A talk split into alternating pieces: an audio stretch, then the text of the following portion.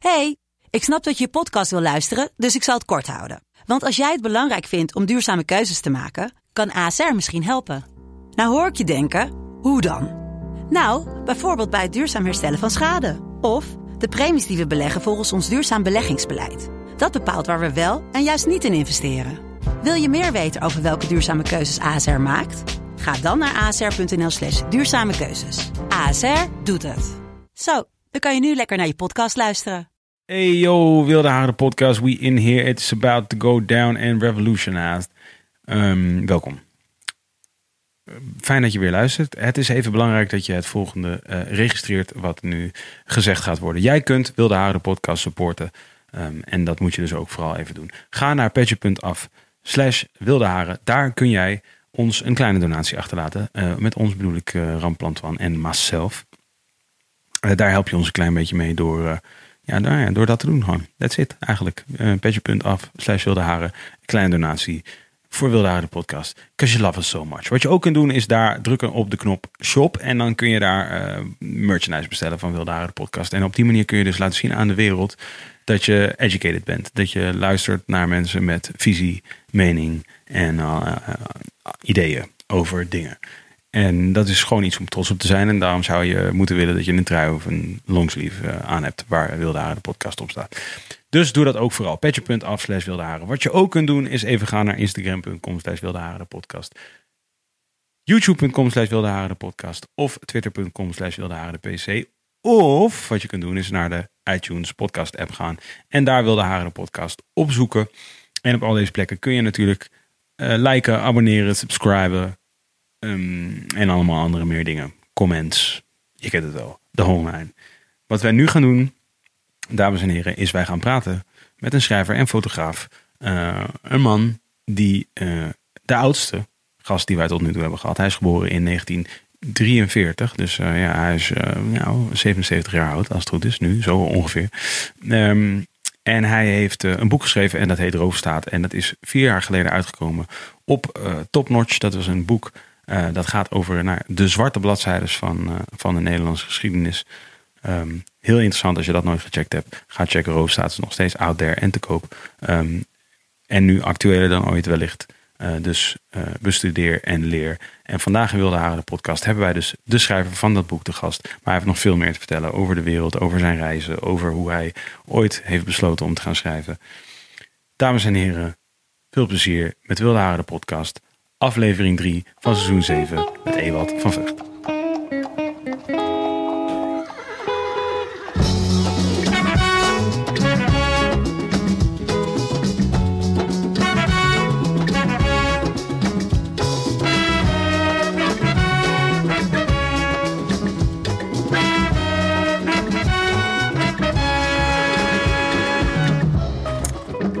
Boom. Haren, de derde alweer van dit, uh, van dit seizoen. Spannend. We zijn hier met uh, Ewald van Vught, recht tegenover mij. Welkom. Dank je. En uh, ik zei het net al even tegen je, grote eer dat je hier bent. Ik vind het, vind het heel bijzonder dat je hier bent. Dank je. Ben je... ja, je bent dus gewoon aan het reizen. Je bent gewoon in een auto aan het stappen en naar plekken aan het gaan. Ja, niet vaak hoor. Ik bedoel, dat uh, het boek is nu al een tijd uit, dus uh, dit gebeurt nu niet meer zo vaak. Nee, precies. Het, bij het boek heb je het over Roofstaat specifiek. Ja, dan heb ik het ja. over Roofstaat. Een paar jaar geleden, een paar jaar geleden uitgekomen. Daar gaan we het ook uitgebreid over hebben. Ja. Voor de mensen die het niet weten, je bent een schrijver en je bent een fotograaf. Is dat ook hoe je jezelf zou, uh, zou omschrijven? Ja, schrijver en fotograaf, ja. En, en, je bent um, iemand die eigenlijk een goed deel van zijn leven heeft gewijd aan het, uh, aan, aan, aan eigenlijk het kenbaar maken van het feit dat, dat volgens jouw geschiedenis niet helemaal juist is opgeschreven. Heel ja, grof zeker, gezegd. Zeker, dat is, klopt. Dat okay. klopt. Hoe, hoe, om even meteen voor iedereen die het niet weet, hoe, hoe ben je ooit helemaal aan het begin begonnen met, met, met, met, met interesse voor, voor schrijven en fotograferen? Uh, nou, met schrijven, dat is dus dat, zit, uh, dat zit in mijn bloed, bij wijze van spreken. Ik heb altijd heel veel gelezen, al teenager las ik al heel veel. En ik wilde altijd schrijver worden. Dus, uh, maar geen idee waarover of wat. Uh, Maar eh, op een gegeven moment, eh, om het niet te lang eh, over de voorgeschiedenis te hebben. Ja, nou, we hebben de tijd, we hebben de tijd. Ja, ja. Maar op een gegeven moment, eh, eh, dus de moeder van mijn kinderen, Mhm. en toen die kinderen nog heel klein waren ook, twee kinderen hebben we, wilde zij graag naar Indonesië gaan. Zij had op Bali gewoond, toen zijn we naar Bali gegaan. En eh, dat was in eh, drie- 83, 84. En toen op Bali ben ik daar eh, in een bibliotheek gedoken om toch ook weer allerlei dingen uit te gaan zoeken. En Je was toen in die tijd wel al aan het, uitgebreid aan het schrijven, toch? uitgebreid aan het schrijven. Ja. Mijn eerste boek is uitgekomen toen ik twintig was. Ja, er zit een mooi verhaal bij dat boek, weet ik toevallig. Toch? Welk verhaal bedoel je? Is, er een, is dat het verhaal van... Want je woonde in die tijd woonde je in Den Bosch, als ik me niet vergis. Ja, ja. En er is een boek uitgekomen waarin jij een, een, een verhaal schreef... wat nogal wat stof deed opwaaien. Ja, inderdaad. ja. Wellicht een mooi verhaal om alsnog even te vertellen... ter, ter illustratie van, eh, van waar je vandaan Nou ja, kwam. dat- we kunnen het heel kort houden. Dat, Ja. eh, dus eh, ja, in Den Bosch, dus teenager nog, zeg maar. Mhm. Eh, 17, 18 jaar, werd ik vader. Wat een groot schandaal was natuurlijk.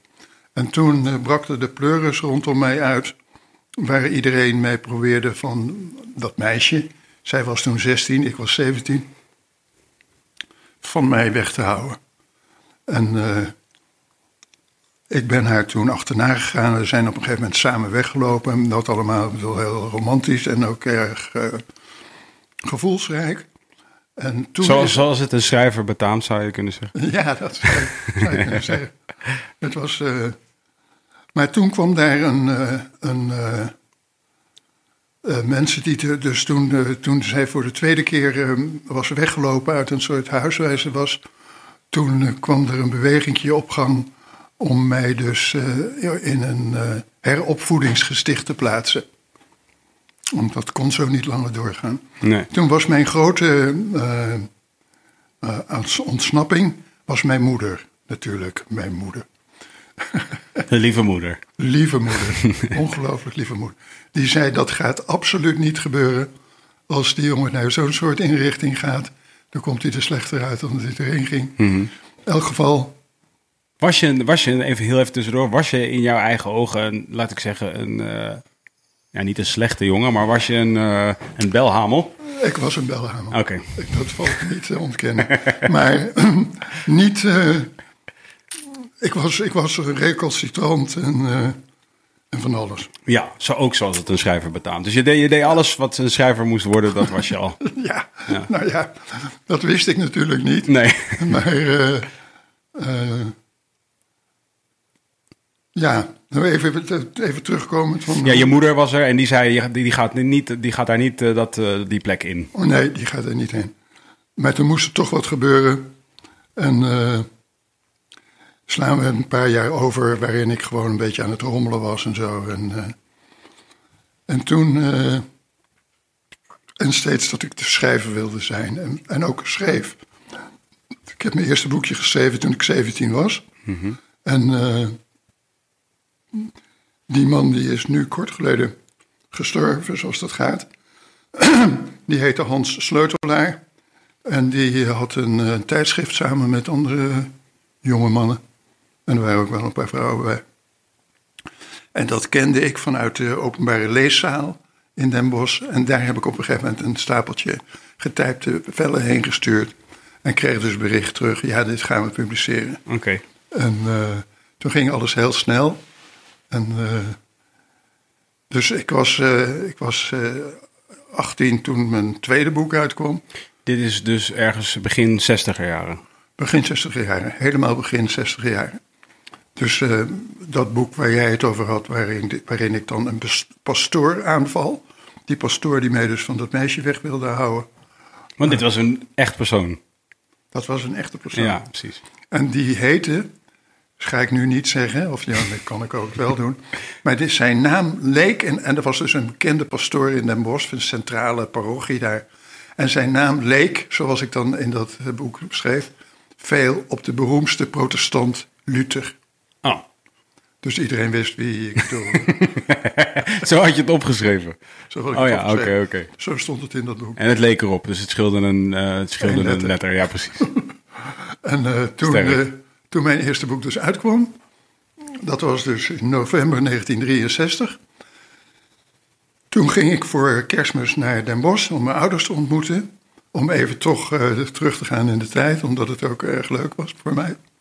En ging ik een vriend opzoeken, die, zijn vader had een boekhandel. Dus ik dacht, nou mijn boek dat staat daar in een stapel in de etalage.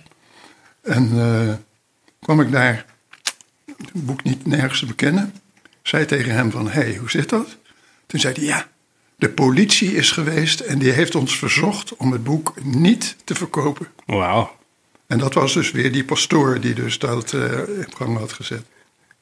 Toen ben ik teruggegaan, een paar dagen later of dezelfde dag, naar Amsterdam. Toen had ik dus een vriend al, ook, die dus, waar ik ook al mee gepubliceerd had. Die heette Simon Vinkenoog. En die eh, heb ik dat verhaal verteld. En die had een kantoortje in in de Algemeen Handelsblad. En daar zijn we toen samen gaan zitten. En die heeft toen iedereen die daarmee te maken had opgebeld. Dus die pastoor en de bisschop en eh, de politiecommissaris en iedereen die ermee te maken had. En die heeft hij toen een stukje geschreven.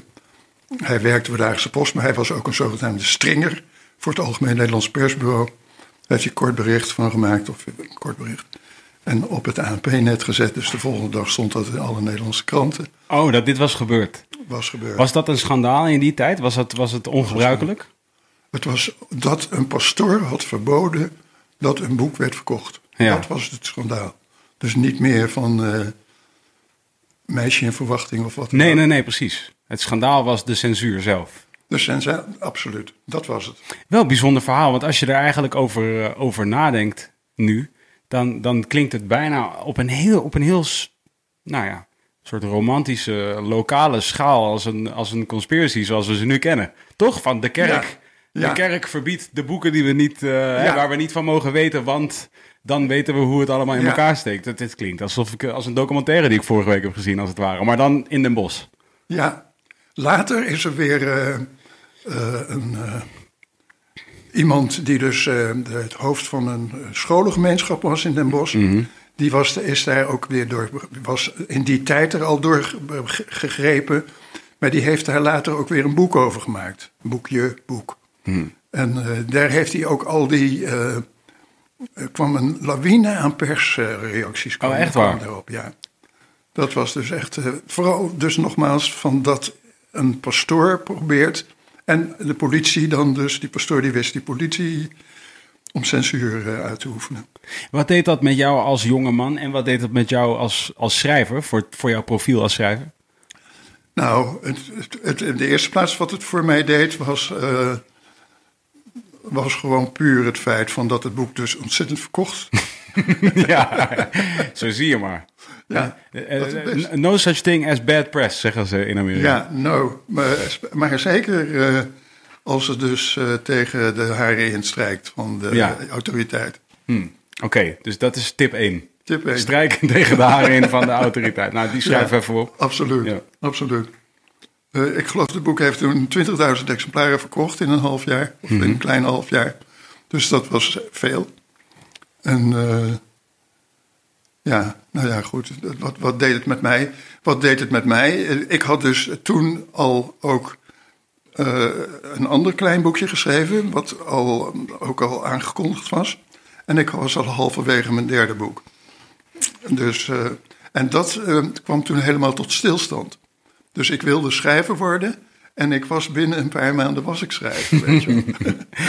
dat maakte het ontzettend lastig om het dus ook nog daadwerkelijk te gaan doen. Ja, ja, precies. Want als, als er één ding in de weg komt van het doen, is het wel dat je het bent, natuurlijk. Ja. Dat ken ik ook als, eh, als artiest. Absoluut. Ja, Ja, dat, heel goed. je, kan het, maar je kan maar beter dat voorlopig nog niet zijn als je het graag wil doen. Ja, ja. Toen heeft het me jaren gekost om dat derde boek, om een, om een vierde boek te maken. Mhm. Dat derde boek heb ik toen nog betrekkelijk snel af- afgekregen. Maar toen heeft het me jaren gekost om, eh, om dus een vierde boek te schrijven. Maar wat wel heel goed was, dat wil ik nog ook graag nog even zeggen. Mhm. Dat eh, toen eh, kreeg ik dus inderdaad toch een lawine van publiciteit. En één daarvan was een jonge man, die stond dus op een gegeven moment... Ik woonde bij een vriendin van me in... Uh, wonen, ik logeerde daar min of meer permanent. en uh, toen stond hij op een gegeven moment een jonge man voor de deur. Dus dit is in eind 1963, misschien was het al januari 64. En die kwam mij dus interviewen voor een radioprogramma. En daar klikte ik meteen heel erg goed mee die had, was net zelf de baas geworden van een radioprogramma. Een wekelijks drie kwartier programma. En hij heette Wim de Bie. Mm. Dus hij is ook helemaal goed terechtgekomen in die wereld ja, van de media. dat zegt me wel iets, ja. Ja, ja. En, uh, nou, daar ben ik eigenlijk meteen uh, mee bevriend geraakt. Hij bood, of ik vroeg hem toen van, kan ik wat vaker wat voor jouw programma doen? En hij zei, is goed, moeten we kijken. Of de, nou ja, dus toen kreeg ik een vaste rubriek in dat, in dat radioprogramma. En toen, nou ja. Wat was, de, wat was de vaste rubriek? Wat deed je in die rubriek? In die rubriek, dat was ook weer erg goed van hem. Hij had een bepaald budget en hij kon dus mensen uh, een bedragje betalen voor een interviewtje te maken. En hij kon een bedragje betalen voor een tekstje te schrijven. Nee. Dus wat ik deed, ik maakte een interviewtje waar ik een tekstje bij schreef. Oké. En, het, en het interviewtje kon over alles gaan? Kon over van alles gaan. Wel een beetje actualiteit, en het programma was dus, heette Uitlaat. En uh, was dus gericht op uh, twintigers. En uh, dus het, jeugdcultuur, zeg hm. maar. Maar goed. Wat, wat, wat was jeugdcultuur toen? Wat, wat zou jij zeggen dat er maatschappelijk speelde onder leeftijdgenoten? Nou, dat was vooral anti-autoriteit. Hè? Oh ja, my, was... my favorite. ja, ja. ja jeugdcultuur. Dat is ook dat, je kunt je bijna niet voorstellen. Toen was dus op de radio, dat programma waar ik het nou over heb, dat uitlaat, dat kwam op zaterdagmiddag, ik meen van kwart over één tot twee uur. En daarvoor was dan een, een programma dat heette Tijd voor Teenagers. En dat was dus het enige uur dat er dus popmuziek gedraaid werd op de radio. In een week? In een week. Oké. In een week. Dus dat is zo ongelooflijk. Uh, ja. Dus je moet dus ook heel goed beseffen. Dit is in de jaren 60. Begin jaren 60. Ja. Heel begin jaren 60. 63, 64, 65. Maar de jeugd had nog geen geld. Oh ja. Dit hele, dat hele. Maar goed, dit zijn allemaal gemeenplaatsen hoor. Ik bedoel, dat is niks bijzonders wat ik nou vertel. Maar uh, jeugdcultuur was eigenlijk dat, dat daar zo'n booming is gekomen. Mm. Vanwege de vanwege de toenemende welvaart. Ja, ja. En wat, wat was de, wat zou je zeggen, was het soort het fundament waarop het anti-autoriteitsgevoel uh, rustte van, van de jeugd toen of de twintigers toen? Nou, dat was erg sterk in de muziek dus ook. dus uh, mensen, zo echt mensen die dus freak out, weet je wel, van Little Richard. Little Richard, dat was een grote fan. En andere had je ook, die dus echt ook Johnny Ray. Crying in the Rain. Dus mensen die echt helemaal losgingen in de muziek. Mm dat, dat, dat was al een belangrijk deel van de, van de jeugdcultuur.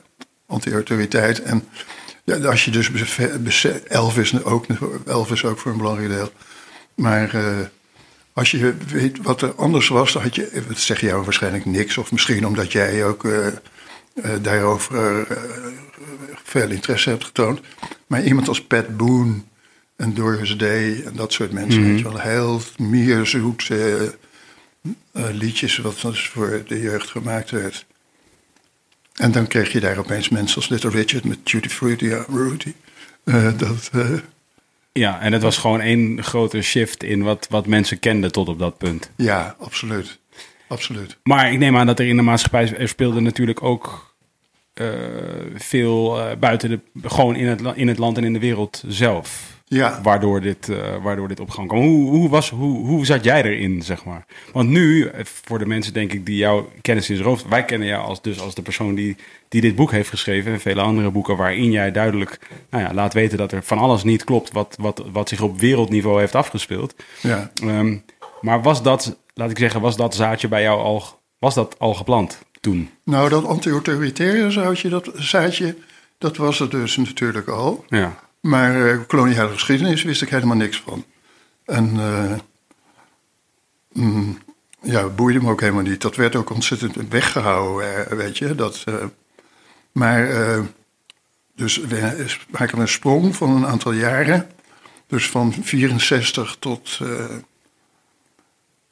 tot eh, nou ja, een heel eind verder. Eh, toen had ik een vriendin, eh, die dus later ook de moeder van mijn kinderen is geworden. Die wilde heel graag naar Bali. En toen zijn we, ja, hoe doe je dat? Dus toen heb ik ook een plannetje bedacht om een boek te schrijven over Bali. En toen zijn we naar Bali gegaan. Zijn we een half jaar daar gebleven. En toen zijn de schellen van mijn ogen gevallen. eh, dat ik zag van wat een geweldige propaganda we in leefde. Dus ik ben daar een bibliotheek ingegaan. En eh, Bali is dus veroverd in 1906. En eh, ik vroeg mij dus toen al meteen af. Dat staat in elke gids over Bali, staat 1906 Bali veroverd. Hele bloedige strijd is dat geweest. Eh, officieel zijn er dus vier Nederlanders toen gestorven. En het officiële wist ik toen nog niet, maar dat kwam ik al snel achter. In het officiële verslag van die oorlog, daar staat dat er dus vier Nederlanders waren gesneuveld en ongeveer 1200 Balinezen. Dus dat was. En daar, heb, daar wilde ik toen een boek over schrijven. En ik ben daar toen eh, in een bibliotheek, een hele goede bibliotheek die daar was. Met veel eh, ingebonden jaargangen van eh, tijdschriften van ambtenaren die daar gewerkt hadden. En eh, toen kwam ik dus tot mijn enorme verrassing erachter dat Nederland een grote opiumhandelaar was geweest. En dat ze dus Bali hadden veroverd. Niet, en, dat kom kom ik allemaal niet achter in een dag en ook niet in een week, maar eh, geleidelijk aan. Dat ze dus Bali hadden veroverd omdat ze de smokkelaars, die dus opium het land inbrachten, eh, bestreden. En, eh, Die, die opium het land hierin brachten. in Bali. Oké, ja. in Indonesië. Dus eh, Nederland speelt daar helemaal geen rol in, weet je wel. Dus dat in die koloniale geschiedenis. Mhm. Eh, maar eh, opium werd dus verbouwd in India. En dat kochten de Nederlanders al heel kort nadat ze dus eh, eh, in Azië handel gingen bedrijven. En eh, dat is dus wel ook in- heel interessant. Eh, Nederland en eigenlijk heel Europa had niets wat die Aziaten wilden hebben. Oké. Dus eh, Ja, dus ze, hadden, ze, ze brachten niks naar de onderhandelingstafel. ze brachten Ze niks. kwamen alleen maar nemen. Ze kwamen alleen maar halen. En later. En wat ze dus hadden, dat was zilver. Wat ze dus even van. Dat geldt voor alle eh, Europeanen. West-Europeanen vooral.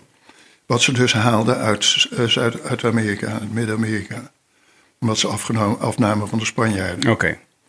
Dus er werd met, met, de, met de plunderingen van één kant werd er gehandeld aan de andere. Ja, absoluut. Absoluut.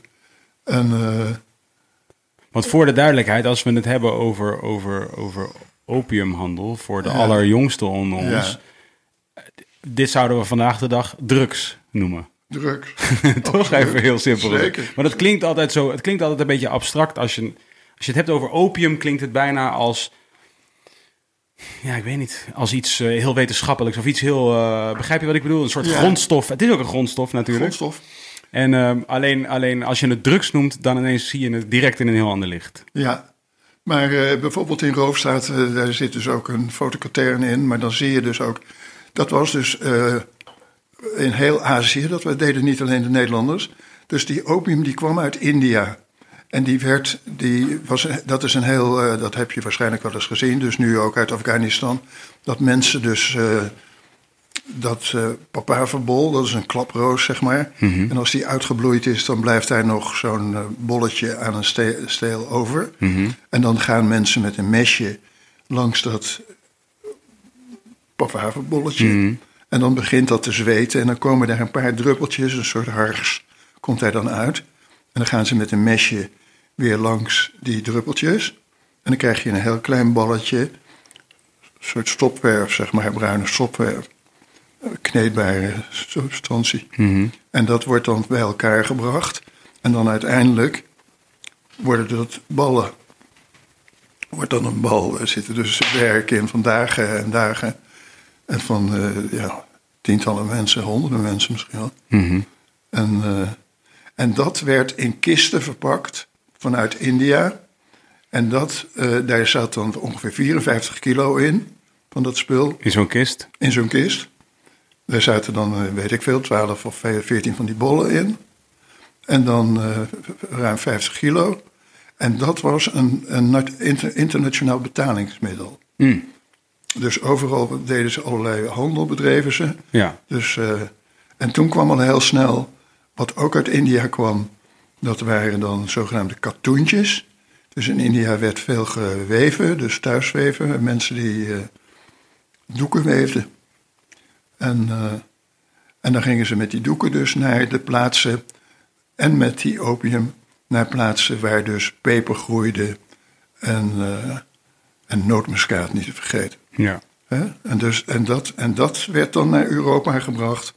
Maar ze hadden dus zelf niets om aan die boeren die die nootmuskaat verbouwden...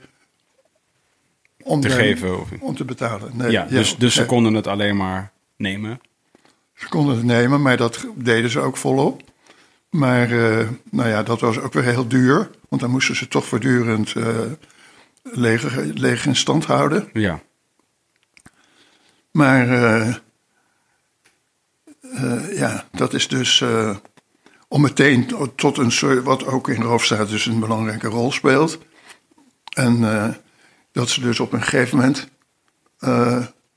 dus nootmuskaat was heel belangrijk. Niet alleen om dus een beetje op de knoffelen, op de bloemkool te strooien en zo, weet je. Maar om dus voedsel te verduurzamen. Bedieren dus Conserveren. Ja. Conserveer. En, eh, en, eh, en op een gegeven moment, dat hebben ze ook heel wel bewust. Ik bedoel, ik spring nu over allerlei eh, jaren. Verschillende, ja. verschillende tijden. Maar dit is wel nog, we zijn nog steeds op Bali en jij bent dit allemaal nog steeds aan het uitvinden daar. En ik vind dit daar dus uit. Ja, ik kom dit dus tegen in, in wetenschappelijke tijdschriften van bestuursambtenaren. En dan kom ik dus tegen dat ze, dat ze dus op een gegeven moment. Ik weet niet of ik dat meteen. Ja, want dat moet ik dan altijd vrij snel. Weet ik niet meer precies hoe dat, dat zat. Eh, ik ben dus een half jaar op Bali gebleven. En daar ontzettend veel eh, eh, boeken, tijdschriften gefotocopieerd. Teruggekomen met pakken, pakken fotocopieën. En toen bleek dus dat ze op een gegeven moment wel bewust ook, heel wel bewust, hebben ze dus gezegd: we moeten die nootmuskaat, die groeit dus maar op een paar eilanden in de Molukken, eh, die moeten we dus eh, in handen krijgen. Maar dat lukt niet. En toen is er één man gekomen, die heette Jacques Lermite. En die heeft toen bewust gezegd: het enige wat erop zit is om die bevolking daar uit te moorden. En dat hebben ze toen gedaan. Dat heeft Jan Pieterszoon Koen dus op een gegeven moment gedaan. Ja. En ze hebben daar toen van, de- op, van die eilanden waar die nootmuskaat groeide, hebben ze de bevolking uitgemoord. En toen zijn ze Chinezen en andere mensen gaan roven vanuit China en vanuit Formosa en van dat soort zaken. Om daar dus weer mensen te hebben die die onkruid konden wieden in die tuinen waar dus die nootmuskaat groeide. En zo is Nederland is dus gebouwd. En dat is, geen, dat is allemaal heel goed gedocumenteerd in de, in de boekhouding van de, VOC. van de VOC. En eh, dat ze dus, Nederland is gebouwd op een massamoord. Het huidige Nederland is gebouwd op een massamoord. In de, en dan hebben we het dus met name over bijvoorbeeld Amsterdam, Rotterdam. Ja. Ja, en dan niet alleen, ja, maar dus vooral de 17e eeuw, de zogenaamde Ja. Gouden Eeuw. Ja. 17e eeuw, toen eh, hebben ze, dat is dus ook echt allemaal heel goed gedocumenteerd. Staat ook allemaal in Roofstaat. Ja. Dat ze dus eh, ook allerlei internationale geleerden die dus zeggen van eh, Nederland is gelukt, wat de Portugezen nooit was gelukt, om dat monopolie op die nootmuskaat te krijgen. Wat, wat, was de, wat was doorslaggevend voor dat Nederlandse... En iedereen die niet dit kan zien, ik heb eh bunny ears in de lucht. Succes. Wat was doorslaggevend? Ja, voor dit. Nou, want als je, als je zegt het was de Portugezen nooit gelukt en het lukte de Nederlanders wel, waarom, waarom slaagden de Nederlanders erin? Omdat Wat- ze zo ongelooflijk meedogenloos waren. Ze hebben daar dus toen op een gegeven moment in, in een korte tijd Koen, dan eh, kregen we het over, meteen over Koen Ja, van de tunnel. van de tunnel, onder andere. Ja. En eh, die heeft dus wel bewust, is daar dus heen gegaan met een leger. En die hebben daar dus blokkades gelegd rond die eilanden. En die hebben of die mensen uitgemoord of uit laten uithongeren. En die hebben dus dat uh, nootmuskaatmonopolie in, in bezit gekregen. En het was eigenlijk bij een eh, gebrek aan geweten dat ze dat zo konden doen, min of meer. Gebrek aan geweten, dat is heel belangrijk. Want uh, dat heeft dus te maken ook met dus nu uh, Black, Black Lives Matter en dat allemaal om de grote sprongen te maken. Dat heeft dan te maken met de godsdienst. Dus uh, de, de ja. christenen. De christenen waren het uitgeverkoren volk van God. Ja, en een Jan-Pieter Koen die daar heel erg mee was. Absoluut. Geloofde, ik ben hier gezonden om dit te doen en het is niet iets wat ik zelf kies per se. Nee, en ook niet iets wat fout is. Maar uh, ja, ik moet dit doen. En, uh, en dat was hij niet alleen, maar dat was, daar was de hele samenleving van doortrokken. En dat is uh, generaties lang is dat zo gebleven. Gehouden, ja. In stand gehouden, absoluut. Even terug naar uh, jij op Bali, die dus uh, daar eigenlijk pardoes in verzeild raakt. Want het was ook niet per se jouw doel, toch? Om daar, je wilde de geschiedenis van Bali checken en zo je... Ik wilde checken waar, waarom ze het pas in 1906 waren gaan veroveren. Ja. Op zo'n bloedige manier. Ja. En toen kwam ik erachter dus dat dat uh, te maken had met die opiumhandel. En, en je zegt, uh, je kwam er eigenlijk achter dat er dus op dat moment heel veel nou ja, uh, verdoezeld was geweest. Voor jou Ja. in ieder geval, bijvoorbeeld. Ehm, Nou, niet alleen voor mij. Ja. Want ik had dan weer ook nee, precies. mazzel dat ik een buurman had in, uh, in Andijk, een dorp waar ik toen woonde met mijn vrouw en kinderen. Mhm. Dat was een, uh, een soort professor in die geschiedenis van Zuidoost-Azië. Dus toen ik dat allemaal had uitgevonden en terugkwam uit Bali, Ja. toen ben ik naar hem gegaan. En, en ik sloeg natuurlijk encyclopedieën open en andere boeken om te kijken wat zeggen ze daarover. Maar ze zeiden daar niks over. Oké. Okay. En dus toen ben ik naar hem gegaan en gevraagd van hoe zit dat? En toen zei hij, ja nee, weet ik ook niet. En, maar ik heb uh, mijn leraar, dat was een hele belangrijke professor in die tijd. Dus nu hebben we het over begin jaren 70. Mm -hmm. uh, die heette Wertheim. Dat was een grote expert op het gebied van Zuidoost-Azië. Toen zei hij, ik zal het aan Wertheim vragen wat hij ervan weet. En dat heeft hij toen gedaan. En Wertheim die schreef mij toen een brief van kom mij eens opzoeken. Ik weet daar ook niks van. Echt waar? Ja.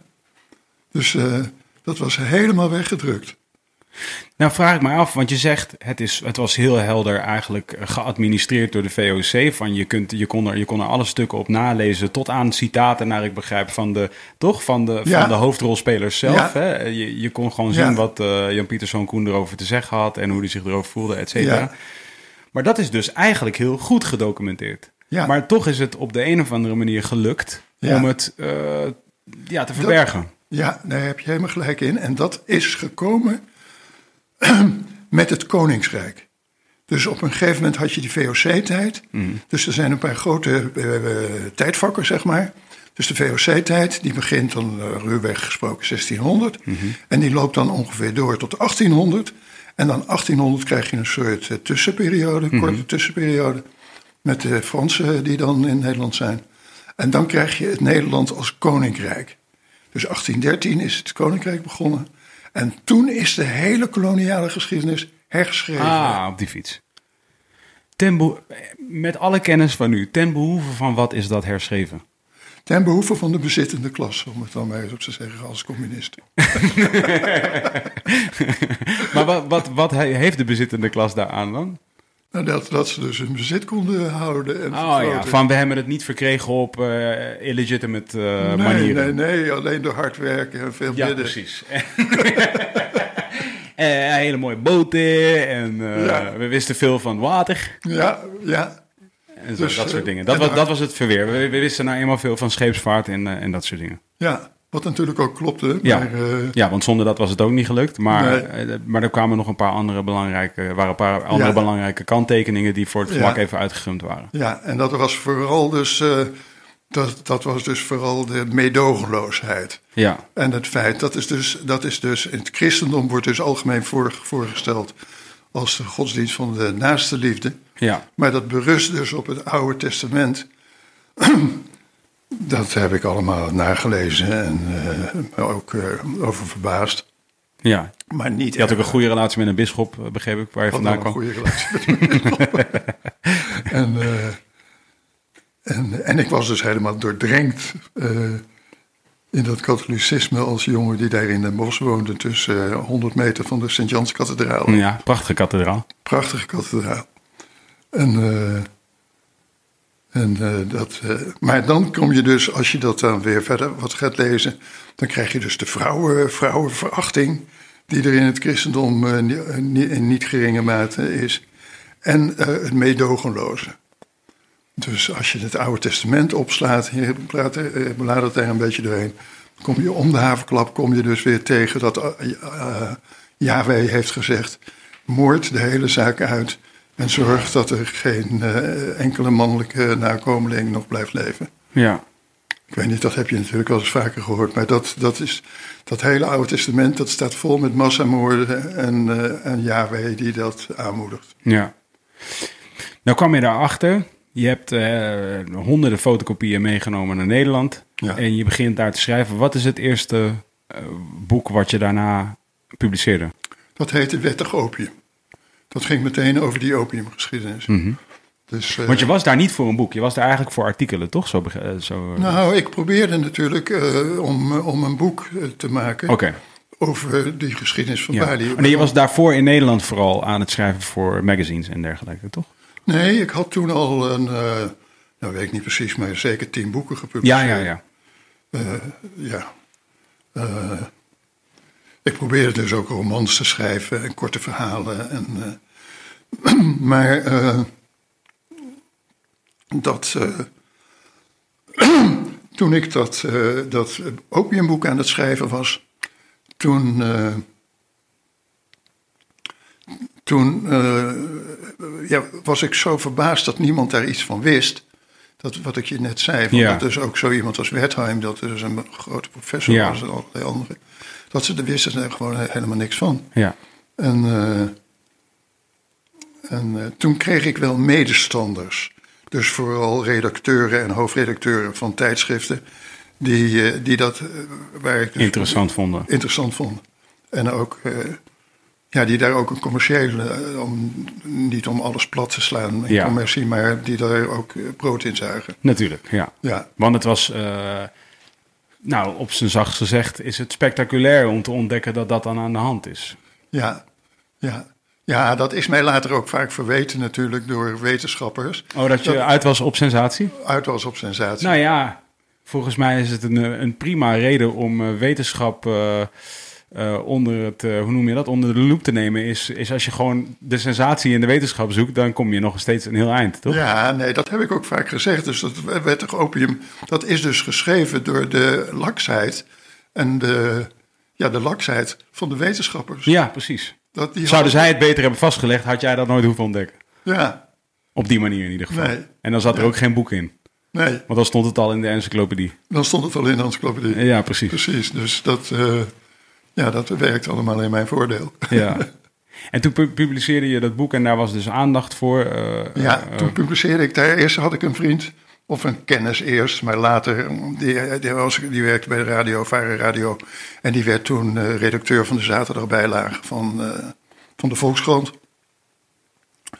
Dat is ook dan weer in, dus even een zijpad, maar dat is misschien toch interessant. Dat er was toen, in, nu hebben we het dus over, eh, even heel goed nadenken, eh 83, 80, 80, begin jaren 80, krijg je een soort strijd tussen de zaterdagbijlagen van de dagbladen en de weekbladen. Oké.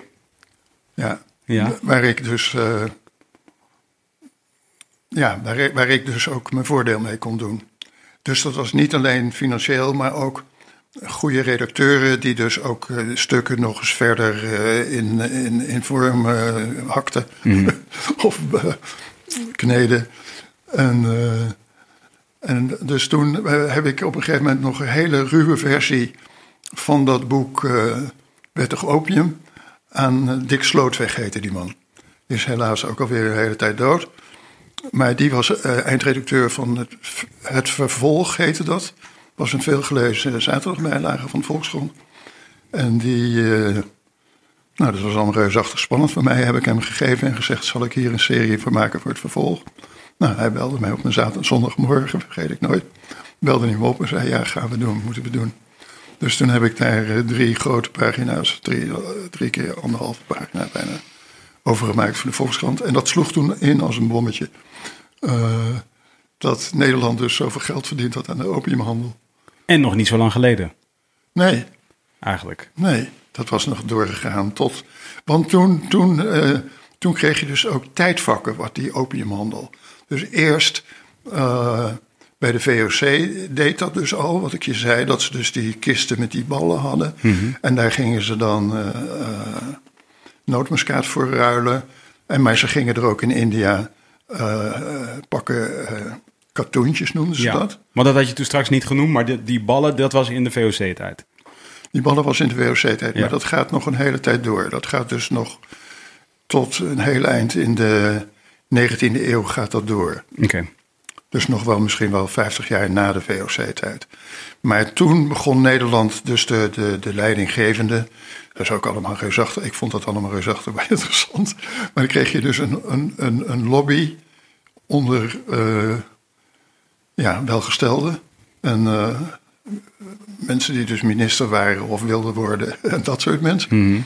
En die, toen hebben ze dus Zou je nu bijna niet meer willen duiden als welgestelde, maar toen de tijd was dat nog heel belangrijk. ja, nou, Nee hoor, grapje Nee, ministers nee. out there. Ja, Nee, nee, maar goed, ik bedoel. eh, en die, eh, die hebben toen een lobby op gang gebracht.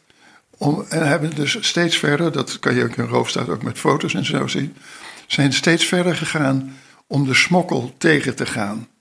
En die hebben dus toen op een gegeven moment eh, een heel bijna onbevattelijk fantastisch systeem opgezet. Dat de opium werd gezuiverd in de, in de opiumfabriek. En dan werd die verpakt. Letterlijk gezuiverd? Ja, Letterlijk le- gewoon, gezuiverd, ja. gezuiverd van dus allerlei plantaardige bestanddelen. En hij werd gekookt. Met werd er dingen aan toegevoegd. Dat is op smaak gebracht van de. Eerst was het dus zo, dan kreeg je die ballen. En die VOC verkocht dat aan Chinezen. Mhm.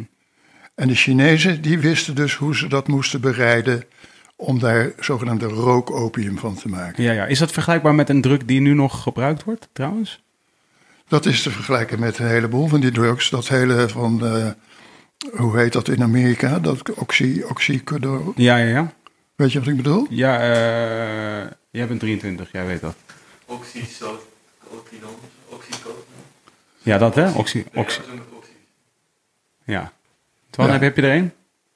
Nee, volgens mij is het Oxycontin, toch? Oxycontin, ja. Ja. Dat is, wordt dus gemaakt uit opium. Maar heroïne is ook iets wat... Oh ja, eh, tuurlijk. wat uit Heroïne opium komt er ook, Ja. maar dat is eh, in een hele ruwe vorm, zeg maar. Ja. Maar eh, Even voor de mensen, zodat we echt weten waar we het over hebben. Dat spreekt ja, toch tot de verbeelding. dat ze weten dat wij, wij weten waar we het over Ja. hebben. Maar wat ik zeggen wou over dat is dat... eh, dat eh, Nederland ging dat eh, zuiveren. ging dat zuiveren en die ging dat steeds verder bemoeilijken dat anderen dat konden verkopen. Die hebben toen een haast fantastisch eh, en ook eigenlijk helemaal fantastisch systeem opgezet. Daar zijn, daar zijn ze goed, goed in. Erg goed in. Ja. Met, met, met grote machines eh, uit de Nederlandse verfindustrie. En als die opium dan dus rookopium was bereid, werd dat verpakt in tubes. En daar werd dan, dus, dat, staat hier ook allemaal in, gaan we nu niet opzoeken, maar dan stond daarop van een Nederlandse opiumregie met het wapen van Nederland erop en zo. En dan ging dat in kistjes. Die tubes die stonden er dan in met een glazen deksel. En eh, dat was dus voor smokkelaars niet na te maken. Hmm. Snap je? Ja, dus het werd zo goed gemarket bijna. Ja, ja. Dat, dat, dat dus eigenlijk de illegale handel kon het niet meer, eh, kon het niet meer namaken. Kon het niet meer namaken. Zo much like eh, Coca-Cola toen het net op de markt kwam. Ja, nee, absoluut. Ik bedoel, Ja. dat was het.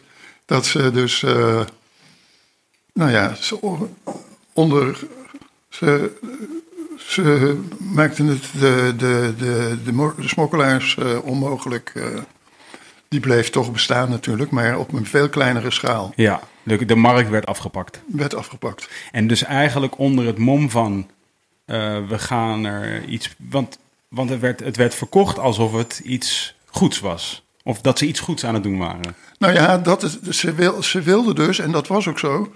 eh, ze wilden dus die, die Chinese pachters, die dus eerst dit hele marketing tussen de groothandel en de kleinverbruiker in handen hadden, die werden waanzinnig rijk.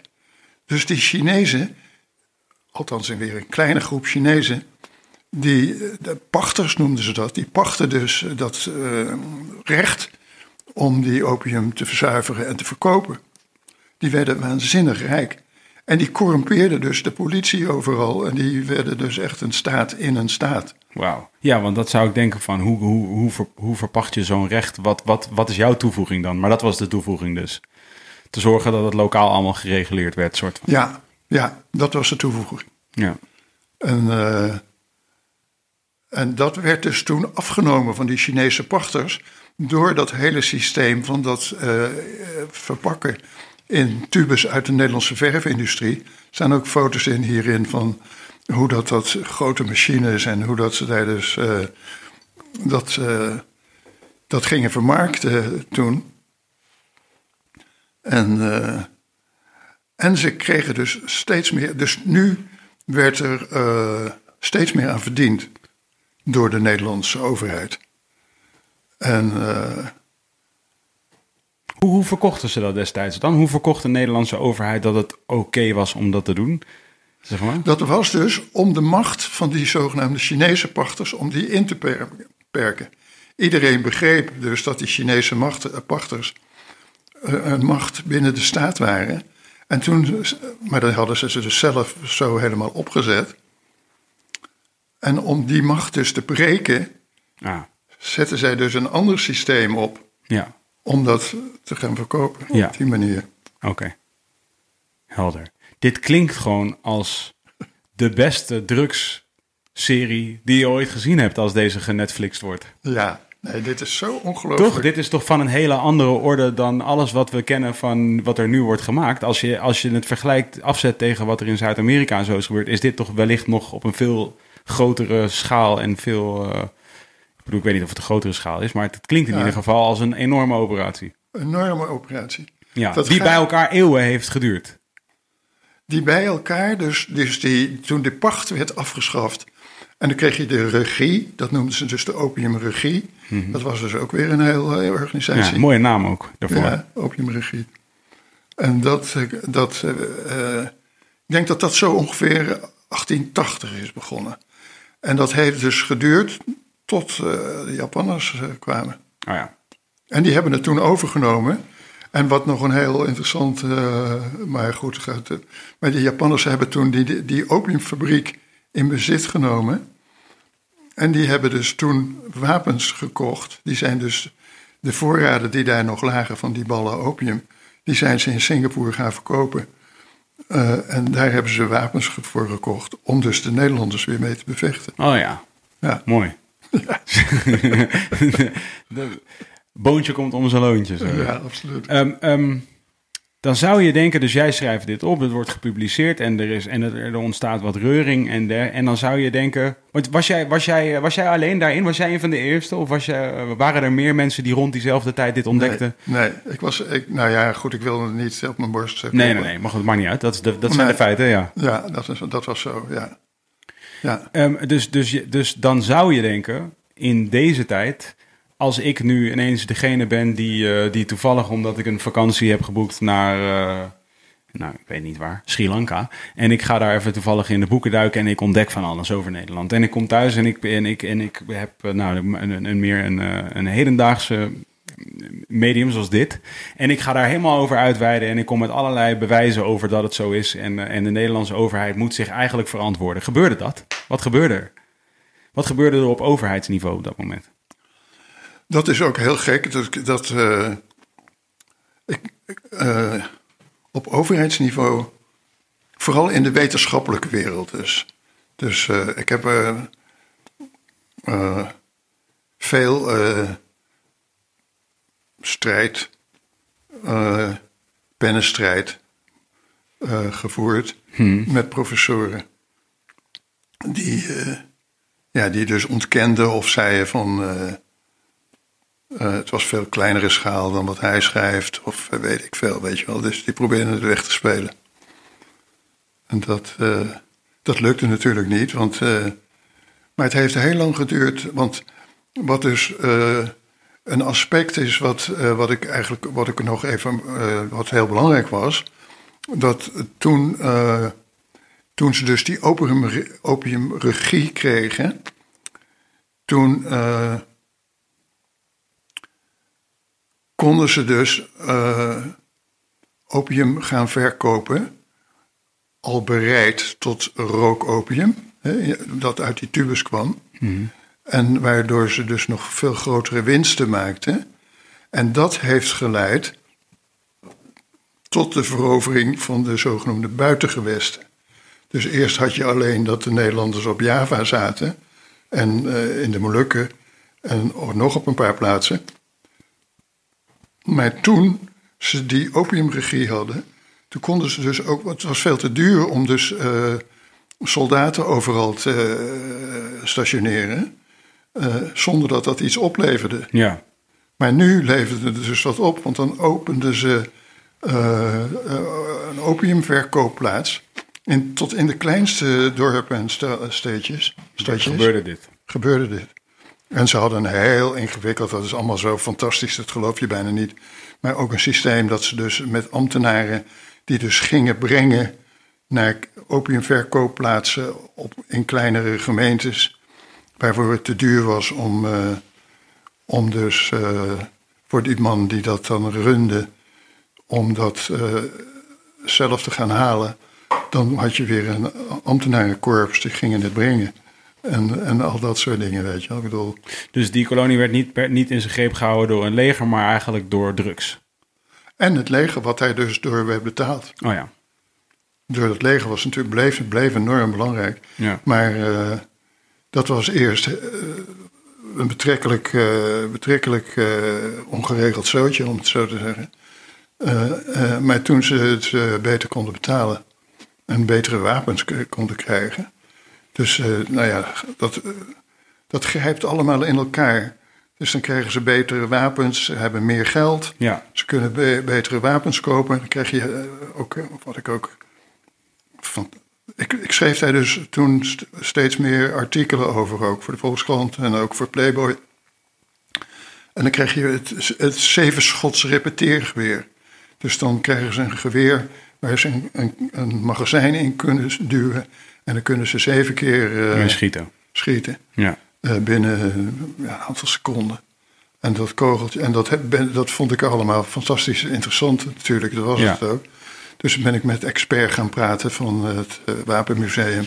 En die me helemaal tot in details uitgelegd heeft wat dat zevenschots repeteergeweer kon doen. Dat kogeltje, dat had zo'n enorme kracht. Dat als het, eh, dat, hij beschreef, dat heeft me dat ook laten zien. eh, als je dat afvuurde in een emmer, zinken emmer met water, dan barsten die emmeren die barsten helemaal uit elkaar. Eh, door de kracht van het, eh, de snelheid van dat eh, Oh, in het water. In het water. Oh ja. Dus het water moest dan zich uitzetten, Ja. maar dat kon niet. En dan barstte dat, Wauw. de zinken emmer barstte uit elkaar. Ja. Dus dat gebeurde ook in de lichamen van de tegenstanders. Ja. De- dus het kogeltje dat explodeerde in het lichaam van de tegenstander. Wat, wat, wat waren de tegenstanders over die periode? Wie, wie waren dat? Dat waren de plaatselijke mensen. Ja. Dus wherever er tegenstand, dat kon van alles zijn. Kon, dat kon overal zijn. Dat kon van alles zijn. Dat waren dus, eh, dat waren dus eh, ja, Boerinezen of eh, Molukkers of eh, Javanen. Of, dat waren de plaatselijke mensen. Ja. Nederland heeft nooit in die 350 jaar dat ze daar waren, wat een beetje gechargeerd is, 350 jaar, maar in elk geval Waarom is dat gechargeerd? nou ja, omdat er tussen hele lange periodes eigenlijk niks gebeurde, zeg maar. Weet je wel, ik bedoel, dat het Ja. bezet, het verzet was zo zwak georganiseerd dat, dat er geen echte eh, Ja. constante oorlog gaande was. Ja. Maar eh, zo gauw als er oorlog kwam, dan. eh, ze hadden nooit een buitenlandse vijand. Er was geen buitenlandse vijand. Dus de Japanners, dat waren de eerste buitenlandse vijand. Hm. Dat. ja, dat is dus. Ja. Dat is heel vreemd om dat te beseffen. Van dat ja, want, dus- nou, want dat je dit zegt, want je hoort vaak gezegd over die tijd, als we het hebben over hè, de wandaden van, van de Nederlanders eh, Ja. over de wereld, dan, Ja. wordt, dan wordt er wel eens eh, gezegd, ja, maar je moet het wel zien in de tijd. Dus als je het hebt over de Gouden Eeuw of je hebt het over de, de eeuwen die daarop volgden, je moet het wel zien in die tijd en je kunt het niet vergelijken met wat we weten over de wereld nu of hoe we ons nu gedragen. In hoeverre ben je het daarmee eens? Daar ben ik het helemaal niet mee eens. Daar ben ik het helemaal niet mee eens. Ik bedoel, ze zeggen ook altijd, dat is dan aansluitend bij wat jij zegt, zeggen van je moet het zien in de tijd. Het hoorde bij de geest van de tijd. Iedereen was zo gewelddadig. Nou ben ik hier al een hele tijd mee bezig. Ik heb ook een boek gemaakt, speciaal wat daarover gaat. Dat heb ik ook weer gedeeltelijk hier opgenomen. Ik bedoel, het grijpt allemaal in elkaar. Maar dat... eh, er zijn dus altijd mensen geweest, die, eh, die noemde ik dan nestbevuilers. Dus ik heb een boek gemaakt dat heet Nestbevuilers, waarin de critici van het koloniale bewind aan het woord kwamen. De bekendste is natuurlijk Multatuli. Eh, en, maar er zijn er tientallen geweest. En die, eh, die werden dus allemaal verbannen, ontslagen, pensioen afgepakt. Ja. Die werden leven ontzettend Want die waren kri- kritisch op basis van e- ethische, de ethische bezwaren die ze hadden met, met wat er aan de hand was. Ja. Ja, en, eh, en dus. eh, En dat was al vanaf het begin, dat was altijd al zo. dat was altijd al zo. En vooral het geweld, dus dat zijn ethische bezwaren. Ja. Hè, maar dat ging vooral tegen het geweld. Omdat de enige manier waarop ze zich konden handhaven, was door ongelooflijk gewelddadig te zijn. Ja. Dus dat was ook Multatuli's grote bezwaar tegen het koloniale bewind, dat ze zo gewelddadig waren. Hè, de bekende verhaal van Seja en Adinda, van dat ze de buffel, buffel afnemen en noem maar op. Weet je wel. Dus het was altijd eh, de kracht van het geweer wat de doorslag gaf. Ehm, en nu zeg je van nou, toen waren er, er waren professoren en jij, jij, werd, jij raakte verwikkeld in een, in een pennenstrijd. Maar, eh, eh, Ja. maar die kon je eigenlijk vrij gemakkelijk winnen. Of in ieder geval, jij kon je beroepen op, op de feiten, zoals we nu weten dat dat de feiten zijn. Ja, Eh, ehm, is, er, is er een. eh, wanneer had jij het gevoel. Oké, ik ga echt werkelijk verandering teweeg kunnen brengen. Dus ik ga kunnen zorgen dat, dat die geschiedenis opnieuw herschreven wordt. ja, dat heeft heel lang geduurd. Dat heeft echt heel lang geduurd. Dat is eigenlijk pas. eh, nou ja, dat was misschien ook voor Kees, eh, de, de, die, die ook heel geïnteresseerd was in die geschiedenis. Dus met Roofstaat is er eigenlijk pas die doorslag gekomen van dat ze het niet meer konden ontkennen. Want ik, heb, ik kan me herinneren dat bij de release van, eh, van Roofstaat, we hadden het er net al heel eventjes over Ja. voordat, we, voordat we begonnen. Eh, Paradiso in 2016 uitverkocht, eh, zei je zelf nog. Van, Ja, Het ja. was een best wel een bijzondere avond. En ik kan mij specifiek heel goed herinneren dat toen jij aan het woord was en jij eigenlijk werd geïnterviewd op daar in Paradiso, dat jij ook zei. ehm, ik had niet nog verwacht mee te maken dat er een shift, een soort een shift Ja. teweeg eh, zou komen. En, Ja. en, en, en jij had het gevoel eh, dat eigenlijk vier jaar geleden voor jouw gevoel was dat pas. Ja, ja inderdaad. Waar, waar zat dat hem in? Nou, ik denk dat dat, dat, dat, eh, ik denk dat dat toch door het initiatief van Kees was om dat roofstaat te maken. Dat het toen ja, dat, niet meer viel te ontkennen, zeg maar. Eh, dat, dat, eh, Dat er gebeurd is wat er gebeurd is. ja, dat, dat, dat, dat, dat viel niet meer weg te, weg te cijferen. Maar het is nog altijd zo. Kijk, Kijk, dat probeerde ik net nog even te zeggen. Ik weet niet of ik dat al helemaal uitgesproken had. Maar dat dus toen ze die, eh, die opiumregie dus kwam. En de smokkelaars dus buitenspel werden gezet. En ze dus steeds meer eraan begonnen te verdienen. Toen, dat is dus in het laatste kwart van de 19e eeuw. Dat is ook het kwart geweest dat de verovering van de buitengewesten. Daar waren we geloof ik net al even, hè, bij de verovering van de buitengewesten. En toen is dus de hele verovering van Indonesische archipel tot stand gekomen. En dat is iets wat nog steeds, eh, ja, nou hou ik het niet meer zo ontzettend bij wat er in de geschiedenis, maar dat dat niet, eh, nog steeds niet duidelijk is tot stand gekomen dat die eh, verovering van de buitengewesten betaald is door de opiumhandel. Ze zeggen dan van Nederland eh, moest voorkomen dat de andere eh, Europese machten dat zouden gaan doen. Maar er is helemaal geen. Er was geen andere Europese macht. nee, er is niks wat, er, wat erop wijst van dat ze dat van plan waren of wat dan ook. Ja. Nou kan ik me voorstellen, als je, als je zo eh, diep in die geschiedenis bent gedoken en je bent nu eh, ehm, in 2020, nou ja, dit is een van de gekste jaren in mijn leven in ieder geval, maar... Ja, ja, en mij ook. en, eh, en je kijkt, en je kijkt televisie en je leest de krant en, en dergelijke. Ehm, da- dan, dan, ga je, dan ga je denk ik achter je oren krabben over welke waarheden we nog meer allemaal niet kennen ten eerste. Ehm, maar, maar, maar ben je het er dan...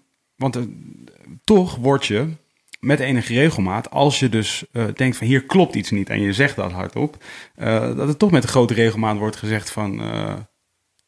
ja, doe niet zo paranoïde en dergelijke. Ja. Of je zoekt achter elke boom een spook. Ja, Ehm, terwijl ja, dit toch echt het bewijs is dat het op Ja. grote schaal en eeuwenlang eh, op die manier gebeurd is. En jij zegt hier, eigenlijk vier jaar geleden, notabene door de baas van een Nederlands hip-hop label, is, is, is, eh, is voor jouw gevoel pas die hele, nou ja, nog kleine, eh, die revolutie in de dop, zeg maar, ontketend. ja, ja. Nee, ik zag dus gisteravond, om aansluitend wat jij zegt, gisteravond, heel toevallig, of niet toevallig, maar ik zet de televisie aan. Ja. En Oké. Zet, de te- zet de televisie aan. Viel in een eh, Belgische eh, zender. En daar waren een aantal mensen, eh, professoren. En ook een paar oud-ambtenaren. die dus over de Congo hadden. Ja. Dus dat is 2020. En die dan zeggen van. dat er nu pas in België. een beetje begint door te dringen. Wat daar is gebeurd. Wat daar is gebeurd. Ja. En dat ze dus zeggen van. En dan kreeg je dus ook eh, zwarte mannen, eh, ook eh, professoren, die dus zeiden van. Wij kunnen ons bijna niet voorstellen hoe geraffineerd die propaganda was. ja. En dat is dus ook iets wat je dus bijna niet kunt voorstellen. Hoe, hoe doordrenkt de hele samenleving was met die propaganda van wat daar dus gebeurde. ja. Dus een, een, een leugen, zeg maar. Dus de leugens die daar door de propaganda werden verteld. ja. En dat, dat ging dus op een gigantische schaal. Dus in de schoolboeken, in de, de dagbladpers, in de weet je, radio, televisie, overal waar er over gesproken werd, Ja. werden dus leugens verspreid. En dat eh, vond ik natuurlijk erg boeiend. Dat ik dat gisteren zag van dat er dus een paar zwarte mensen, en ook eh, witte trouwens ook, die dus zeiden van eh, zo'n geraffineerde propaganda dat, Ja, ja. er- dat wij nog steeds in België niet beseffen wat een gruwelijkheden daar werden verricht. Dat wilde ik dus ook zeggen van. eh, Ben jij zelf. eh, hoe. Ja, dat is moeilijk eigenlijk om te zeggen. Laat ik het, laat ik het zo zeggen. Nu, nu in de afgelopen maanden is het natuurlijk.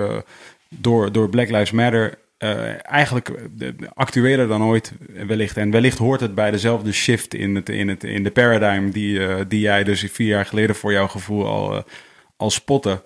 Ehm, eh, hoe kijk je er nu? Hoe kijk jij daar nu naar? En wat zou jij zeggen is belangrijk dat er gebeurt? Een soort in een ideaal scenario. Wat zie jij het liefst zich voltrekken in de komende paar jaar?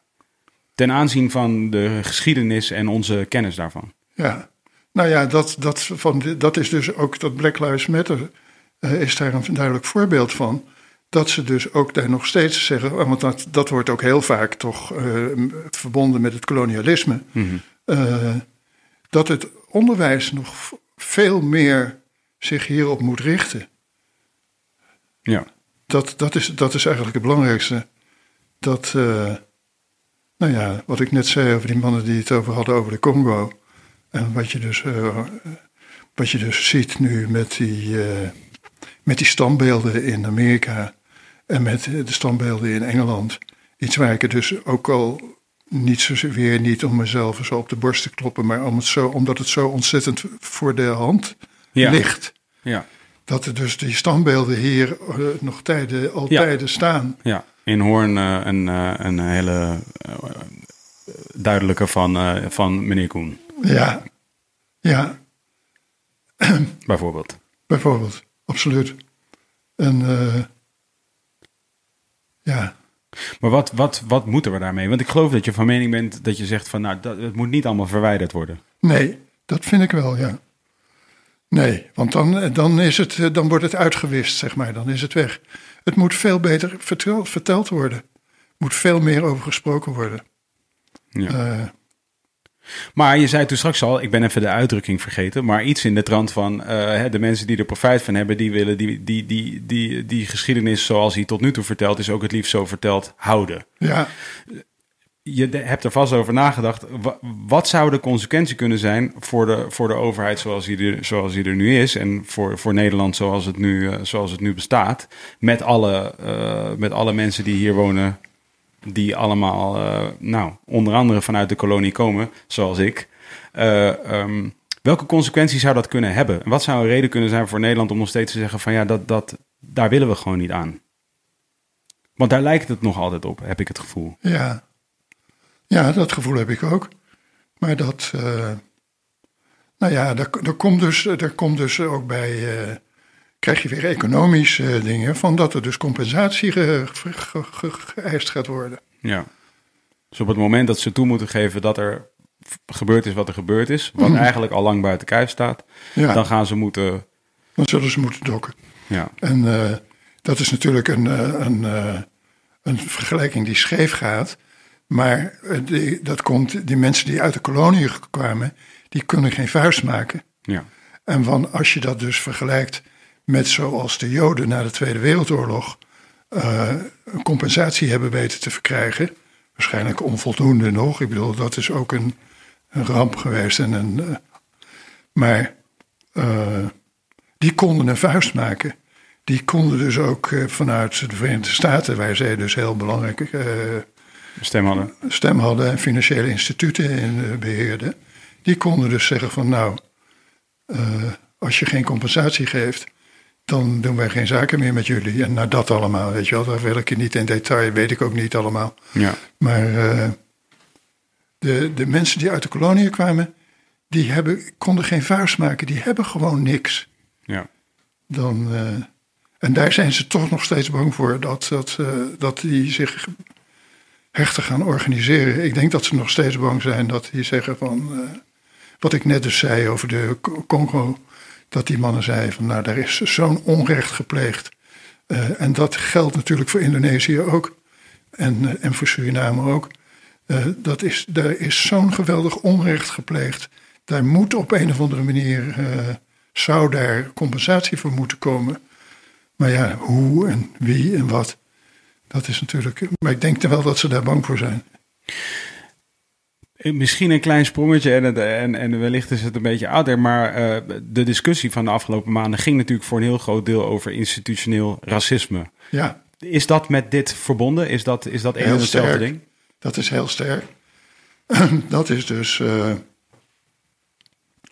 dat, dat hoort dus bij die propaganda, zeg maar. dat is wat. eh, wat ik net al even probeerde aan te stippen, ook van het christendom. Dat, eh, dat het witte, de wit, het witte, witte bevolking. dat dat. eh, Superieur is. superieur is. En dat is zo diep ingebakken. En dat sluit aan, wat, want je, dat is heel moeilijk om te beseffen eigenlijk. Eh, en dat is ook, ook, ook niet iets wat ik bedacht heb. Ik heb heel weinig zelf bedacht. Maar dat is de positie van de vrouwen. Dus als je ziet hoe dat vrouwen nog altijd enorm worden achtergesteld. Ja. eh, ja, tot de dag van vandaag. tot de dag van vandaag. In een land wat, wat zichzelf als progressief beschouwt, eh, krijgen vrouwen minder betaald. Eh, ze werken ook minder, in de zin van ze hebben minder gelegenheid om te werken. En allemaal dat soort dingen. Al dat soort dingen. Ja. Ik, ik ben bijna vader aan het worden. Nu voor het eerst eh, ja, maak ik dus kans op zes weken verlof. Nou, ik begrijp wat, eh, Ja. wat, heel fijn is als je, als, je, eh, als je bijna vader wordt. Wat natuurlijk klinkt als een groot voordeel voor mannen. Maar ik als werkgever sta er ook heel erg bij stil dat het heel positief is voor vrouwen in die zin. Omdat je nu als werkgever niet meer gaat discrimineren op hoe lang een verlof duurt als iemand Ja. in verwachting is of als iemand bevalt van een, van een kind. Ja, Wat, wat in ieder geval een goede, weer een goede stap is naar, eh, naar een eh, gelijkwaardigere situatie. Maar inderdaad, ook iets waar, ik, eh, waar, ik, waar je als werkgever dus bijvoorbeeld heel bewust van wordt, maar ook dient te zijn. Ja, ja. Van het verschil. Ja. En dat is, en dat is de vergelijking dat, dat, dat we daar niet bij. Of er zijn natuurlijk be- behoorlijk wat vrouwen, gelukkig, die daar ook de trom over roeren en zo. Van, eh, maar het feit dat dat tot de dag van vandaag voortduurt. En in de jaren 50, dus nog, nog eh, ja, enkele tientallen jaren geleden, de gewoonste zaak van de wereld was. Ja, Dat vrouwen werden achtergesteld. ja, Dat is te vergelijken met het racisme. ja. Van dat ja, mensen met een andere kleur. ja die moeten gewoon niet zo zeuren. Nee, die moeten niet zeuren. Nee. Tenminste, dat is een beetje de, dat is een beetje de ondergang, zo lijkt het zo. En dat is wel een mooi. eh, dat is dus ook eh, uit, eh, uit wat ik zelf ook meegemaakt heb. Van, ik ben dus zelf, toen ik 25 was, uit Nederland weggegaan. En toen heb ik een jaar of zeven over de wereld gezworven. En toen heb ik dus ook aan de lijve ondervonden, wat dan wel genoemd wordt, de aristocratie van de huidskleur. Hmm. Dus eh, ik kwam in India terecht. En eh, ik was natuurlijk ook, eh, ik had dus al van alles gedaan. Radioprogramma's geschreven, boeken, tijdschriftartikelen, van alles gedaan. 25, 26. En ik had een brief bij me van het ministerie van Buitenlandse Zaken. Keurig met briefhoofd en alles. Van to whom it may concern. Mr. Vught is traveling through India to inform himself about your beautiful culture and this and that. And uh, we invite you to uh, uh, to support him with any uh, any help you can give him, and we will be very grateful to you, the ambassador. Nog, weet je. Dus zo'n brief had ik bij me.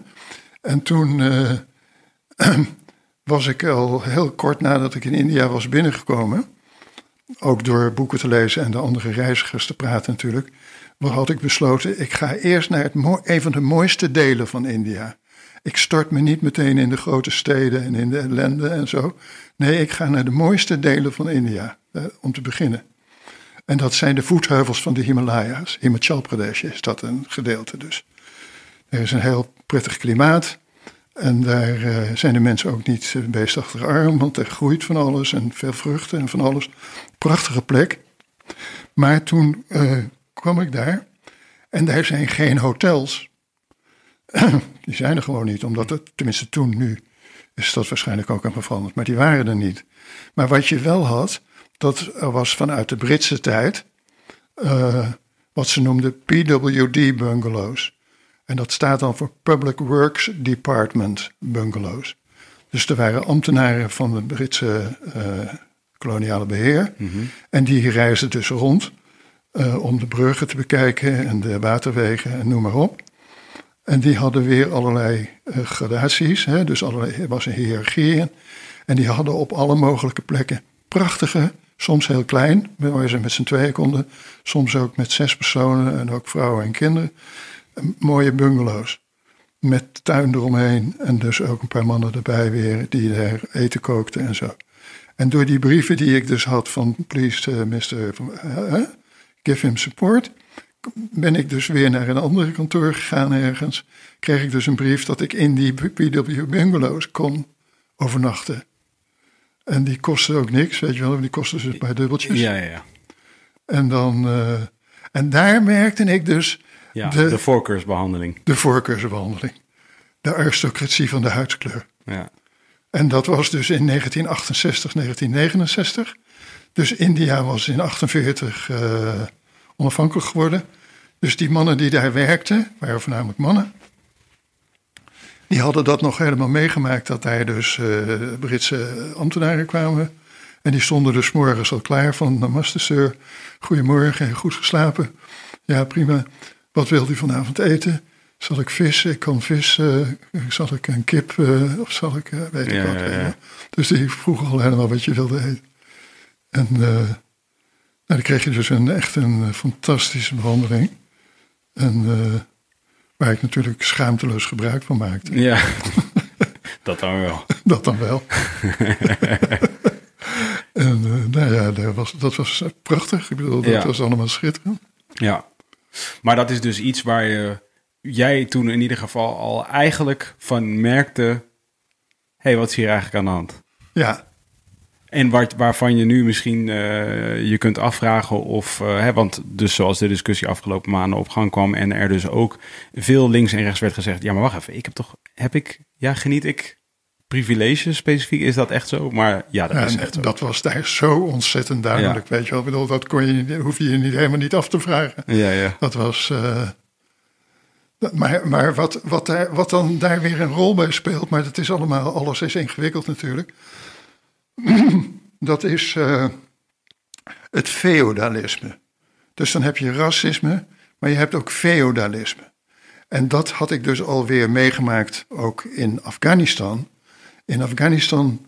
eh, eh, toen was ik nog helemaal niet in India geweest en zo. Dus ik ging over land, ben ik naar eh, India gereisd. En op een gegeven moment kwam ik dan in Afghanistan.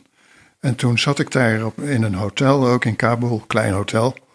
En, en daar was de eigenaar van dat hotel. was een man die sprak vloeiend Frans. Die was, was uit de betere klasse. Die was dus eigenaar daarvan. En die zei op een gegeven moment tegen mij van... eh, ja, mijn vader die heeft vroeger als generaal eh, een opstand weten te bedwingen ergens hier in het noorden van Afghanistan. En die heeft toen van de koning, dat was dus enkele tientallen jaren eerder, heeft hij een dorp gekregen. En één keer per jaar, dan wordt daar voornamelijk de amandeloogst ge- ge- binnengehaald. En die wordt dan verkocht. Maar omdat het, eh, het banksysteem hier zo eh, krak- krakkemikkig werkt, ga ik één keer per jaar met een van mijn broers dat geld zelf ophalen. Maar mijn broer die is nu in New York en die is met alle dingen bezig. Zou jij mee willen gaan? Waarom was dat nodig dan? Gewoon werkelijk omdat de tassen over de schouder moesten? Of, eh, Nee, om als. als. Als, eh, als, als. Niet dat je de tassen, maar ik heb ook nooit een wapen gehad. Maar als, als een soort bodyguard. Ah, Oké. Dat dus, want ik, we zijn toen wel ook in, in. eh, Dus ik ben toen met hem op pad gegaan. Een hele tocht, prachtige tocht. We zijn toen eh, tien dagen onderweg geweest of zo. Heen en terug. En zijn we helemaal naar de grens, dus dat was hoog in het noorden van Afghanistan. Grens aan Tajikistan. En eh, inderdaad een koffer met bankbiljetten opgehaald. En onderweg, omdat hij dus eh, ja, de eigenaar van dat dorp was, eh, waren er weer allerlei grootgrondbezitters ook en zo, of allerlei, een stuk of vier, vijf zijn we geweest. Daar werden wij dan uitgenodigd om te komen eten s'avonds. Want we sliepen dan weer ook in allerlei plekken. En we sliepen ook wel bij die mensen. Eh, en, eh, en dan zaten we bij elkaar, en dat is een paar keer gebeurd, twee of drie keer gebeurd, dat die mannen dan eenmaal weer trots hun wapens gingen, we, gingen vergelijken. Weet je wel? Die haalden dan uit hun schouderholster, haalden ze een van de pistool en, eh, en dan gingen ze met elkaar daarover praten en lieten ze dat zien. En dan vroegen ze aan mij, "Eh, wat heb jij? En ik zei, ik, Een pen. ik heb niks. Ja, ja. Ik doe het niet, maar dat wilden ze niet geloven. dus dat was de rol waar ik dus met hem was, waar hij gaan heette hij. Dat was een onvergetelijke ervaring natuurlijk ook weer. Ja. Eh, nou ja, we hebben dus toen inderdaad een koffer met geld opgehaald. Ja. En, eh, en we zijn weer eh heel uit teruggekomen. Ongelooflijk. En als je al dus... Je zei net heel even tussendoor, zei je dat. Van, eh, nou, zoveel heb ik zelf niet bedacht. Maar eh, met al deze ervaringen, met alles wat jij hebt onderzocht en geschreven... en alle woorden die je vervolgens hebt gewisseld met allemaal andere mensen... die daar zeiden kundig in te zijn. Wat heb je wel zelf bedacht toen? Wat, heb wat zou je nu zeggen is, is het ding wat je hebt bedacht... als je het allemaal naast elkaar moet zetten? Eh, ja, dat is moeilijk te zeggen. Kijk, dat kwam natuurlijk helemaal uit mijn jeugd al voort allemaal. Dat is eh, door eh, wat ik je toen straks al even noemde. Van dat mijn moeder me niet naar een heropvoedingsgesticht wilde sturen en zo. Dus dat... ja, dat je op jezelf moet vertrouwen. Dat is... en dat je niet moet faken. Dat is ook heel belangrijk. Dat je niet... Tenminste, dat doe je toch. Je bent de hele tijd natuurlijk ook dingen aan het faken, maar eh, niet te veel. Je moet een soort kern hebben waar je je aan vast kunt houden. Dat Ja. weet ik allemaal niet. Ik bedoel dat. eh, ik weet wel dat ik dus eh, heel vaak echt vrienden trof. Echt mazzel heb gehad.